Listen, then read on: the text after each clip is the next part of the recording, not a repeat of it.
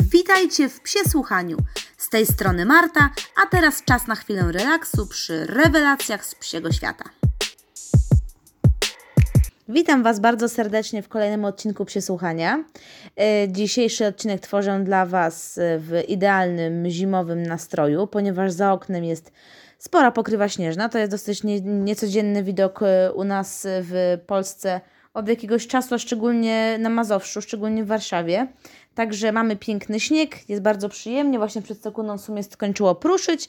Yy, I obok również yy, mnie znajduje się idealny przedstawiciel właśnie tego, yy, tej grupy, o której będę Wam dzisiaj mówiła, czyli konkretnie o psach nordyckich. Psy nordyckie, oczywiście na pewno z Was każdy kojarzy, jest w stanie wymienić chociaż jedną, dwie, typu Siberian, Malamut, czy właśnie piankowy samojed. Yy, no bo podejrzewam, że już jakieś laphundy i inne tego typu pieski to już jest dosyć yy, rzadki przypadek, jeśli chodzi o, o znajomość. No bo takich psów po prostu nie ma zbyt wiele, nie spotykamy ich na ulicach, więc nie ma co się dziwić, że po prostu mniej osób o nich wie. Yy, natomiast tak, jeżeli pomyślimy sobie o psach właśnie typu nordyckiego, czyli naszych kochanych północniakach, no to od razu gdzieś tam na myśl przychodzi nam dosyć ujednolicony typ pod względem wyglądu. Zazwyczaj to są psiaki, które są y, dosyć krępe, wpisane w, taką, w taki ciężki prostokąt, kwadrat, coś takiego. Y, raczej nie są y, niskonożne, raczej mamy do czynienia tutaj z tym, że łapki troszeczkę jednak izolują od tego zimnego podłoża. Ich sierść oczywiście jest gęsta, z takim wydatnym podszerstkiem. Natomiast ogon w bardzo wielu przypadkach to taki precelek rogali, który zawinięty jest puszysty nad grzbietem, albo ewentualnie tam szablasto noszony, coś ten deseń. No i do tego jeszcze wszystkiego malutkie uszy, które gdzieś tam w tym futrze są zanurzone. To jest taki, myślę, że automat, jak rzeczywiście wyobrażamy sobie psy północy. Yy, natomiast jeśli chodzi o konkretnie ich podziały, jest to dosyć trudna sprawa, dlatego że tak na dobrą sprawę nie da rady ich podzielić bardzo ściśle, ponieważ Najważniejsza u tych psów była ich y, użytkowość, czyli sprawianie tego, żeby ten pies jak najbardziej nadawał się wszechstronnie, po prostu w terenie Arktyki, w terenie, gdzie po prostu było piekielnie zimno i pies musiał y, zarówno pociągnąć jakiś ładunek ze sobą, czyli być y, zaprzęgowym, musiał umieć upolować coś czy dla siebie, czy dla, dla swojej rodziny, czy ewentualnie po prostu mieć też umiejętności dotyczące stróżowania. Jeżeli na przykład zajmował się pilnowaniem reniferów, E, ja tutaj chciałam Wam powiedzieć e, o takim podziale na trzy typy użytkowe, e, którego dokonał tutaj w książce Hans Raber, czyli w mojej ukochanej encyklopedii psów rasowych, która myślę, że nadal do tej pory jest jednym z najfajniejszych źródeł dotyczących ras na rynku polskim ponieważ y, wcale, znaczy zdjęcia są również, ale nie są one tutaj jakby motywem przewodnim. Nie jest to też wypisany po prostu wzorzec FCI, który możemy sobie znaleźć y, i w oddziale związku, i nawet na stronie związku. Także tu są troszeczkę inne informacje, trochę historyczne, trochę odkopywanie jakichś różnych ciekawostek i myślę, że to jest najfajniejsze również dla Was jakby w formie słuchowiska, bo do mm, wzorca każdy z Was może sobie po prostu zajrzeć yy, i w zasadzie no to jest forma ciekawostki, żebyście po prostu mogli sobie czegoś więcej dowiedzieć się o jakiejś grupie ras, czy ogólnie jakiejś konkretnej, ras, ra, konkretnej rasie. No dobrze, także przejdźmy do takich trzech typów yy, właśnie psów nordyckich. Yy, pierwszą i właściwie najważniejszą to są typowe psy zaprzęgowe, czyli na przykład yy, Alaskan Malamut, Husky syberyjski, Pianka, czyli samojed oraz pies grenlandzki. Do drugiej grupy zaliczamy nordyckie psy myśliwskie, czyli różnego rodzaju właśnie elkhundy, jamhundy, czarne norweskie psy na łosie, lundehundy, norbotenspitz, karelski pies na niedźwiedzie, czy na przykład szpic fiński. No to są zdecydowanie już rzadsze psy i myślę, że tak z rozpędu, no to yy, oszpic fiński czy elkhund, no mogą przysparzać problemów, żeby sobie je szybko zwizualizować. Spokojnie, ja myślę, że w najbliższych odcinkach też Wam o tych psach troszeczkę, nie wiem, za rzadszych raz, yy, trochę Wam o nich opowiem. Yy, I trzecią grupą są psy wiejskie i pasterskie. I tutaj mamy na przykład psa islandzkiego, yy, szpica lapońskiego, lapin porokoire, norweskiego, norweskiego buchunda. Yy, także trochę tych ras jest. I tak jak mówię, no nie da rady dokładnie powiedzieć, yy, podzielić ich na 100%, bo tak jak mówiłam Wam wcześniej, najważniejsza była ich ogólna użytkowość. Jeśli chodzi w ogóle o miejsce yy, pracy, no to oczywiście w północnych rejonach mamy do czynienia albo z formacjami, gdzie mamy dużo yy, lasów, gdzie mamy dużo iglastych lasów, jest klimat taki umiarkowany, chłodny, yy, lasy są gęste i rzeczywiście trudne takie do przebycia samemu. Nazywamy te formacje oczywiście tajgą, to pewnie każdy z Was wie. Yy, natomiast w opozycji do tajgi jest tundra, czyli z kolei środowisko bardziej psów zaprzęgowych. Tam, gdzie mamy bezdrzewne formacje roślinne, jest rzeczywiście yy, zimno. Mówimy tutaj o terenie, który jest na półkuli północnej, gdzie mamy pod glebą yy, zamarznięte warstwy ziemi, i jeśli chodzi o roślinność, to, to raczej to jakieś porosty, mchy, bardzo niskie roślinki. Y, często też można się spotkać z tym, że właśnie imiona psów y, y, północy to bardzo często jest tajga i tundra. Jak przyglądacie sobie różnego rodzaju fora, jeżeli lubicie te rasy, to naprawdę swego rodzaju czasu chyba to drugi pies nazywał się tajga lub tundra, tak na marginesie. No ale dobrze, kochani, przejdźmy w takim razie do bardziej szczegółowego omówienia piesków zaprzęgowych, czyli tej pierwszej właśnie grupy, do której wrzucamy wrzucamy Alaskana, Siberiana, yy, Samojeda i psa grenlandzkiego. Yy, o psach zaprzęgowych tak na dobrą sprawę nie wiemy za dużo pod względem tego, kiedy zaczęły służyć jako psy zaprzęgowe, czyli ciągnące cokolwiek. Wiemy jedynie, że sanie rzeczywiście są używane o wiele dłużej niż wozy. I podobnie też i psy są używane o wiele dłużej do y, ciągnięcia sań niż na przykład konie. Y, w rysunkach naskalnych można spotkać rzeczywiście y, psy, y, psy, które właśnie w takim typie północnym są gdzieś tam wyskrobywane, malowane, natomiast one są wszystkie jakby przedstawiane w formie myśliwskiej, jako psy polujące, jako psy właśnie przy jakichś stadach, natomiast nie za bardzo jest informacja o tym, kiedy one na dobrą sprawę zaczęły cokolwiek y, ciągnąć.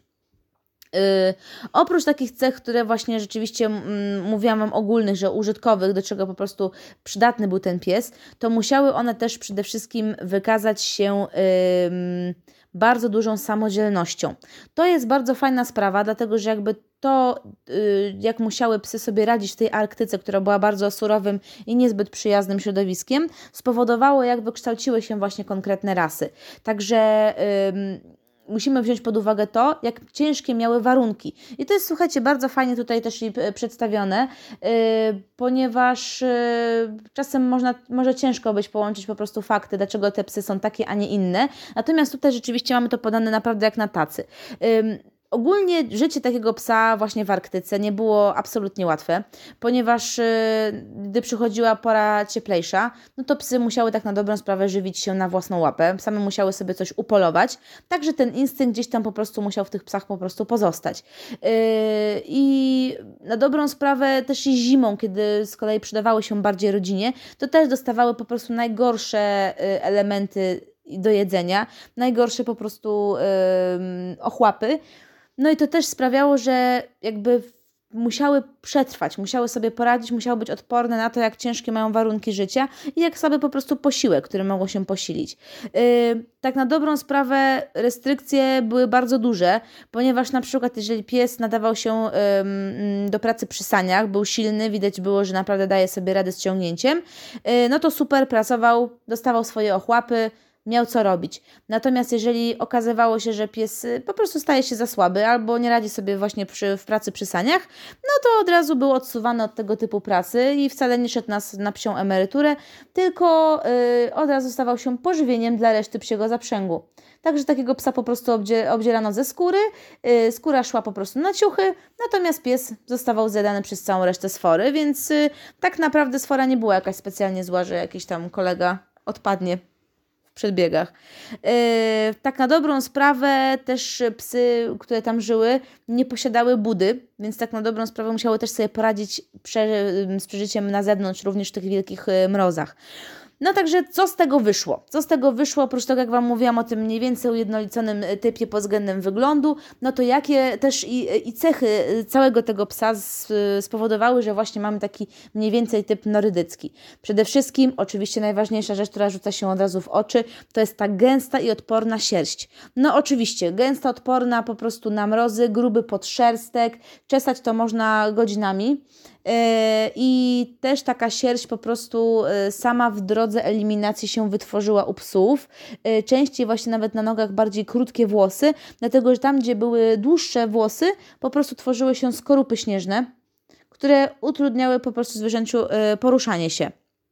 E, z kolejnych rzeczy, no to oczywiście mocne, e, bardzo odporne ciało. No tu jeśli chodzi przede wszystkim właśnie o e, ciągnięcie, ciągnięcie saj, no to wiadomo, że musiało być psy, które rzeczywiście mają swoje ciało takie jak maszyna. Widać też to, że te psy mają szerokie klatki piersiowe, no też po prostu musiały pomieścić po prostu płuca, które dały, dałyby radę takim wysiłkom jeszcze do tego w ciężkich warunkach.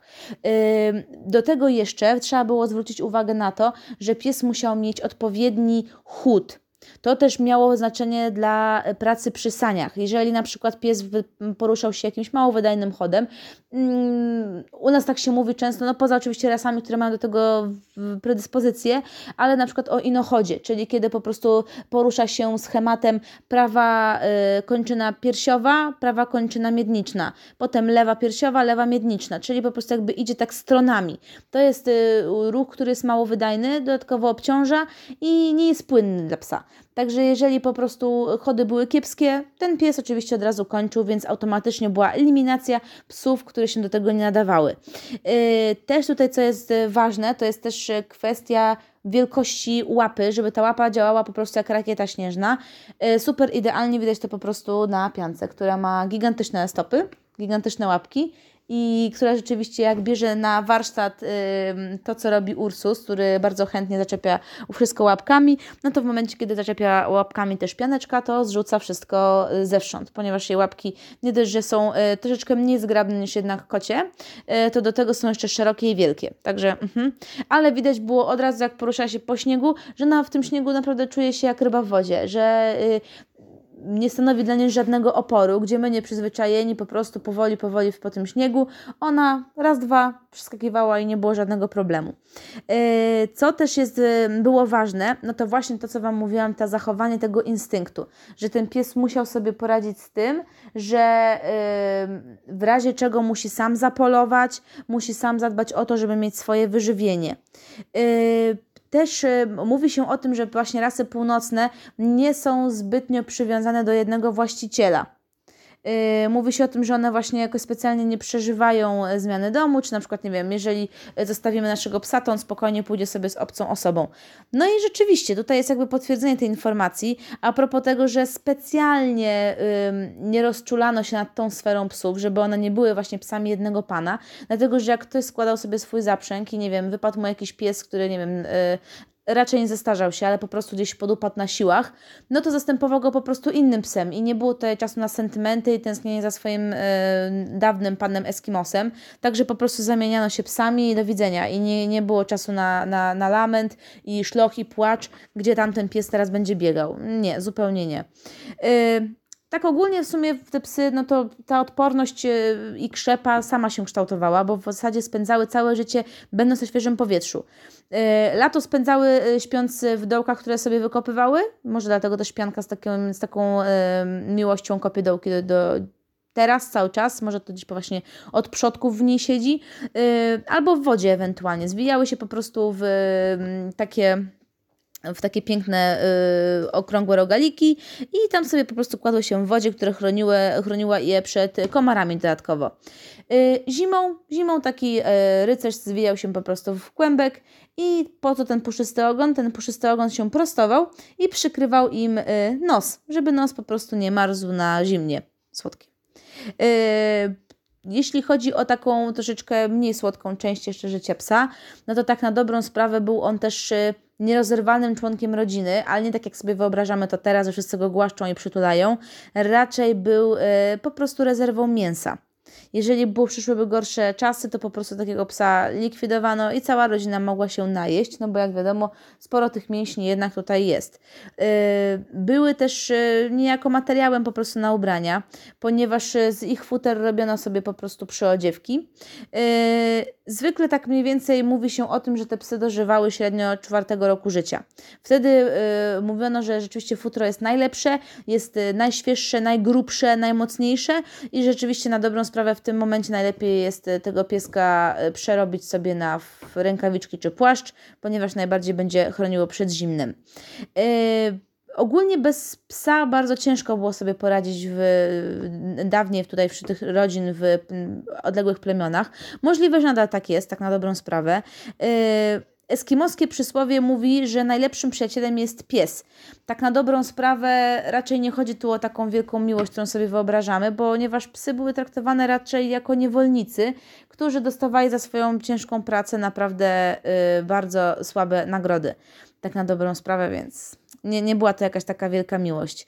Y, jeśli chodzi w ogóle o charakter tych psów, to sporo y, osób wypowiadało się mało pochlebnie ze względu na ich y, kontakty z pobratymcami. Także jeżeli mówiono, że jeżeli spuści się je ze smyczy, to one od razu dawają, zaczynają atakować swojego brata, natomiast nigdy nie, atak, nie wykazywały agresji właśnie w stosunku do ludzi, co ciekawe tak, y, jeśli chodzi o rasy, to w ogóle kształcono je też pod względem chęci y, do y, ciągnięcia stań do przodu i mm, takie jakby to określenie właśnie charakteru, czyli tego chęć tych pożerania tych kolejnych kilometrów, nazywano tak zwanym desire to go, czyli właśnie chęcią ciągnięcia sań do przodu. Oczywiście ciągnęły sanie przez e, wiele, wiele lat, natomiast z czasem po prostu, jak wszędzie, postęp e, e, dosięgnął również i Eskimosów, i różnych plemion, które coraz bardziej przerzuciły się na silniki benzynowe, a mniej na pracę po prostu z psami. Także zaprzęgi przeskoczyły sobie na margines, wyparły je po prostu silniki i zaprzęgi raczej stały się bardziej druż, jakby bardziej opcją sportową. Y, pierwsze w ogóle takie sprzęty, jeśli chodzi o właśnie sportowe jakieś y, zawody zaprzęgowe, były bardzo prymitywne. Y, absolutnie nie były tak anatomicznie dostosowane jak teraz w tej chwili. Wszystkie firmy się prześcigają w tym, żeby te szelki jak najlepiej, najbezpieczniej leżały na psie, nie powodowały różnego rodzaju przeciążeń, które potem mogą doprowadzić do różnych otarć, bólu i tak dalej tak na dobrą sprawę na początku te linki szły yy, od szyi, czyli jakby to było w formie obroży, więc jedno z takich mocniejszych yy, przeciążeń właśnie było w miejscu szyi. Yy, część linek szła między tylnymi łapami psa, także w pachwinach powodowały otarcia. Stąd też samce, które były dobrze biegające, trzeba było kastrować, ponieważ od razu robiły się zapalenia jąder, co było bardzo niebezpieczne właśnie dla nich. Nie mam pojęcia w takim razie, jak selekcjonowano psy, które były fajne fajne do sportu, ponieważ no rzeczywiście no, samiec kastrowany to raczej już nie pokryje suki. Nie wiem, nie mam pojęcia. Yy, mówiło się, że cztery psy były w stanie udźwignąć yy, ciężar około 82 do 98 kg. Yy, całkiem spora szybkość, średnio tak na dobrą sprawę yy, leciały z prędkością 24 km na godzinę. Także całkiem szybko. Ogólnie sama ta podróż y, psim zaprzęgiem wcale nie należała do jakiejś super ekstra przyjemności. Y, no jednak Antarktyka no to nie miała przytartych szlaków i to nie było tak, że hej, wsiadamy sobie na sanie, jedziemy, pieski ciągną, jest super. Y, wiedzieli o tym również wielebni, którzy mieli tam kaplicę, ponieważ zwolnili z grzechu przeklinanie podczas sprowadzenia powozów sań, przepraszam. E, także ktoś to maszer, który przeklinał podczas e, powożenia, e, był zwolniony przed Bogiem, że to nie był w ogóle absolutnie grzech.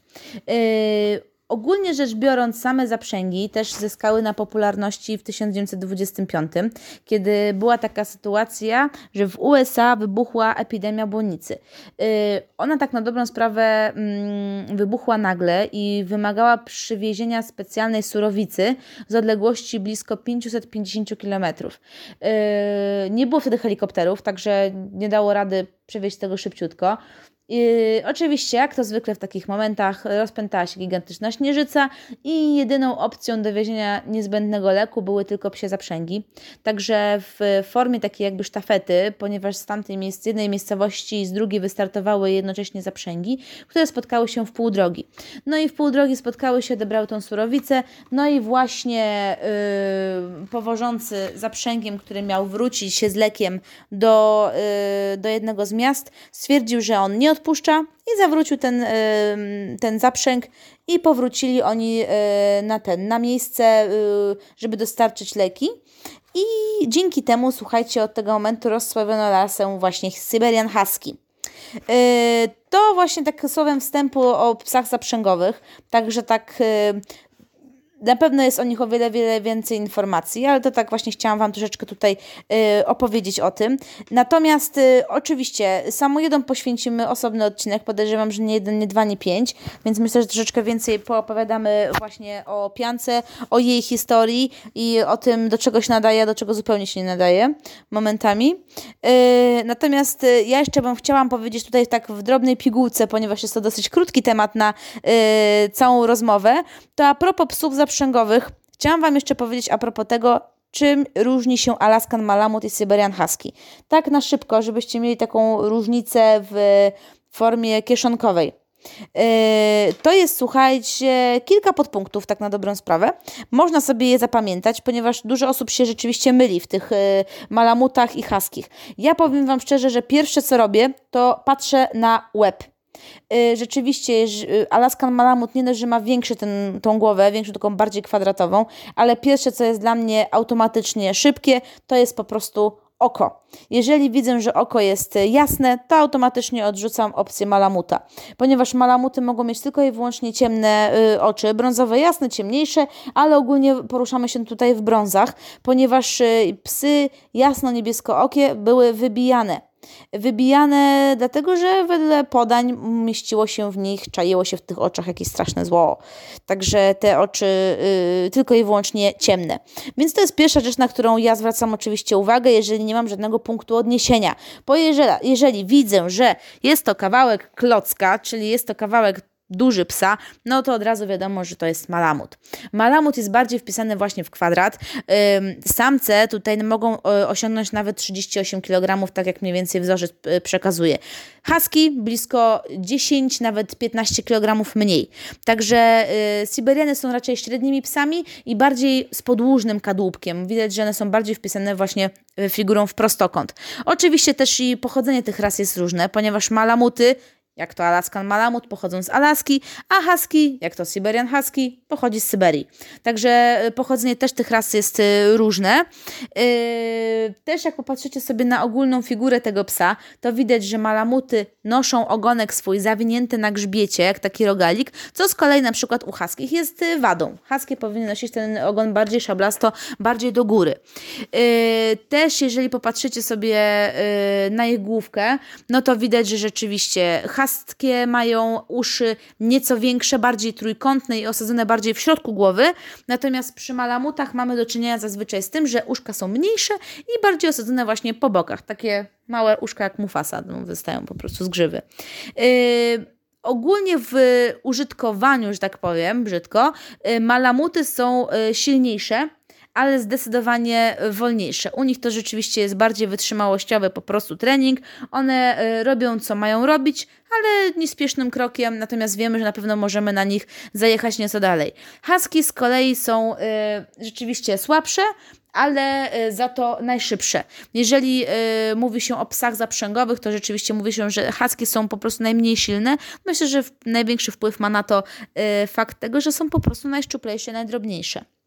No, to tak y, słowem zakończenia właśnie a propos y, takiego wstępu właśnie do nordyckich psów. Myślę, że troszeczkę więcej też mogłabym Wam opowiedzieć o jakichś mniej znanych y, szpicach, Czemu nie? Oczywiście.